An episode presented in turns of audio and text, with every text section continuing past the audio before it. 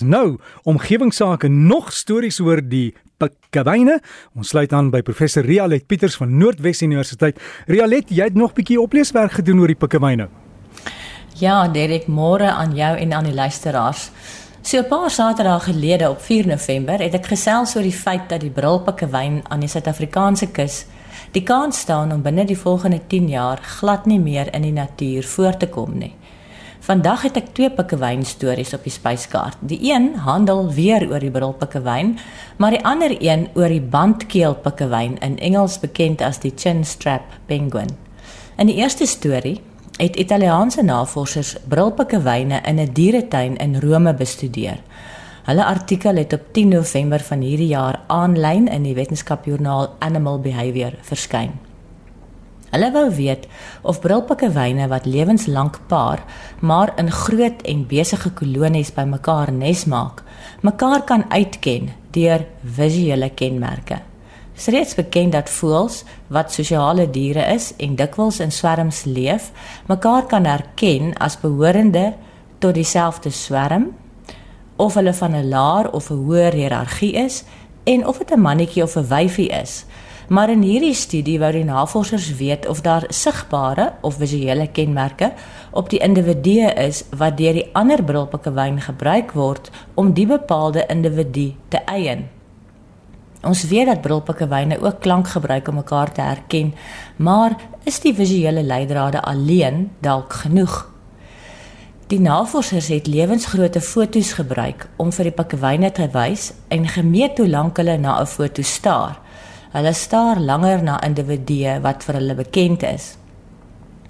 Daar's verskeie toetse gewees, maar die proef die proefkonyn Pikkewyn het elke keer 'n keuse gehad van net twee fotos.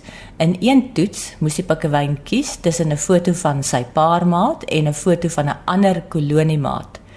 Dan weer moes hulle kies tussen twee fotos van die paarmaat, maar op die een foto is die kolle van die aan die voorkant van die Pikkewyn digitaal verwyder.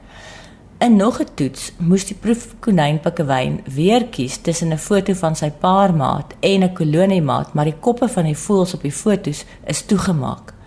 En uit die opsomming van al die resultate blyk dit nou dat die brilpikkewyn die patroon van die kolle wat op die voorkant van die pikkewyn voorkom, gebruik om tussen individue te onderskei. Hierdie kolle is permanent en verskyn dikwels weer op die pikkewyn, ag verskyn telkens weer op die pikkewyn selfs al sou hulle verveer. Die patroon waarin die kolle voorkom is uniek vir elke individuele pikkewyn. En nou vir die tweede pikkewyn storie. Wetenskaplikes van Frankryk, Duitsland en Suid-Korea het bandkeelpikkewyne se slaappatrone in hulle natuurlike habitat ondersoek. Hulle publikasie het 1 Desember van hierdie jaar in die wetenskaptydskrif Science verskyn. Bandkeelpikkewyne broei in kolonies op Antarktika en Antarktiese eilande in die Stille Oseaan. Beide die ouers sit op die nes om die eiers uit te broei en daar's gewoonlik so twee eiers. Een ouer broei die eier uit en die ander een gaan soek kos en hulle wissel hierdie take af. Maar hierdie skofte duur 5 tot 10 dae. En die een wat gaan kos soek, soek so ver as 80 km van die nes af. Die voël wat die eiers wat op die eiers en die kuikens op eiers sit en die kuikens oppas, moet dus vir 5 tot 10 dae voortdurend waaksaam wees omdat roofmeeuwe in Engels is dit skoa graag die eiers of die kuikens vreet. Die navorsers van hierdie studie het 12 pikkewyne van 'n kolonie op die King George Eiland tydens hulle broeitydperk met sensors toegerus Hulle kon die breinaktiwiteit monitor of dan nou die elektroensefalogramme neem, die aktiwiteit van die nekspiere monitor en die liggaamsoriëntering en beweging van die pikkewyne dophou. Hulle het die diere ook deurgaans met videokameras dopgehou. Bewyse van slaap is as die stadige golfbreinaktiwiteit toegeneem het. Soms het dit gepaard gegaan met die slaap van beide breinhelftes, maar soms net die een breinhelfte. Maar hier is nou die interessante bevinding. Die voëls met neste op die buiterand van die kolonie het beter en langer geslaap as voëls met neste in die binnekring van die kolonie.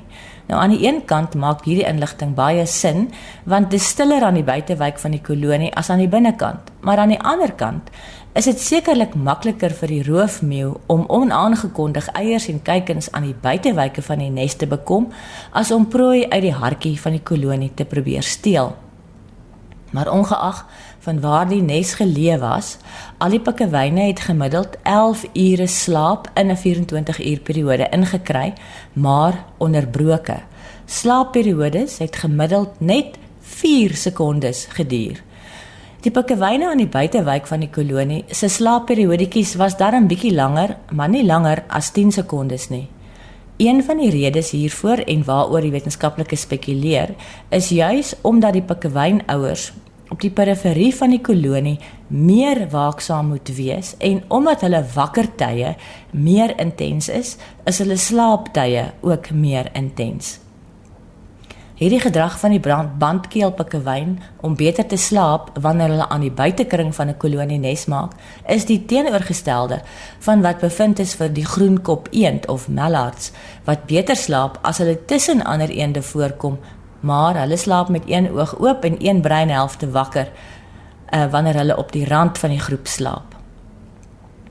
Luisteraars sou sekerlik tereg die vraag kon vra: Waarom sou mense nou enigstens belangstel in die slaappatrone van pikkewyne in die verre Antarktika? Maar daar is tog goeie redes waarom hierdie soort navorsing noodsaaklik is. Vir effektiewe funksionering van die mens is slaap uiters noodsaaklik en deur diere se slaappatrone en die faktore wat dit beïnvloed te bestudeer, leer ons hopelik meer van onsself. Maar daar is nog baie daar's nog nie baie werk op voëls se slaappatrone gedoen nie. En moet ons maar waak daarteenoor om aan te neem dat wat goed en gewoon vir die mens is, noodwendig so sal moet wees vir alle ander skepsels. Maar miskien kan ons iets wys word uit die gedrag van die bandkeelpikkewyn wat ons uh, sou kon aanwend om ononderbroke slaap beter te hanteer.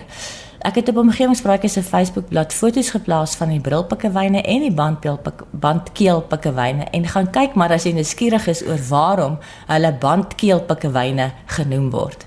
Ons sal beslis gaan kyk. Rialet, goeie naweek vir jou en ek hoop is nie te warm daar in Potchefstroom nie. En dis die omgewingspraatjies Facebookblad gaan loer daar. Sien die foto's van die pikkewyne en jy kan sommer daarvan af ook as jy vra het aanstuur.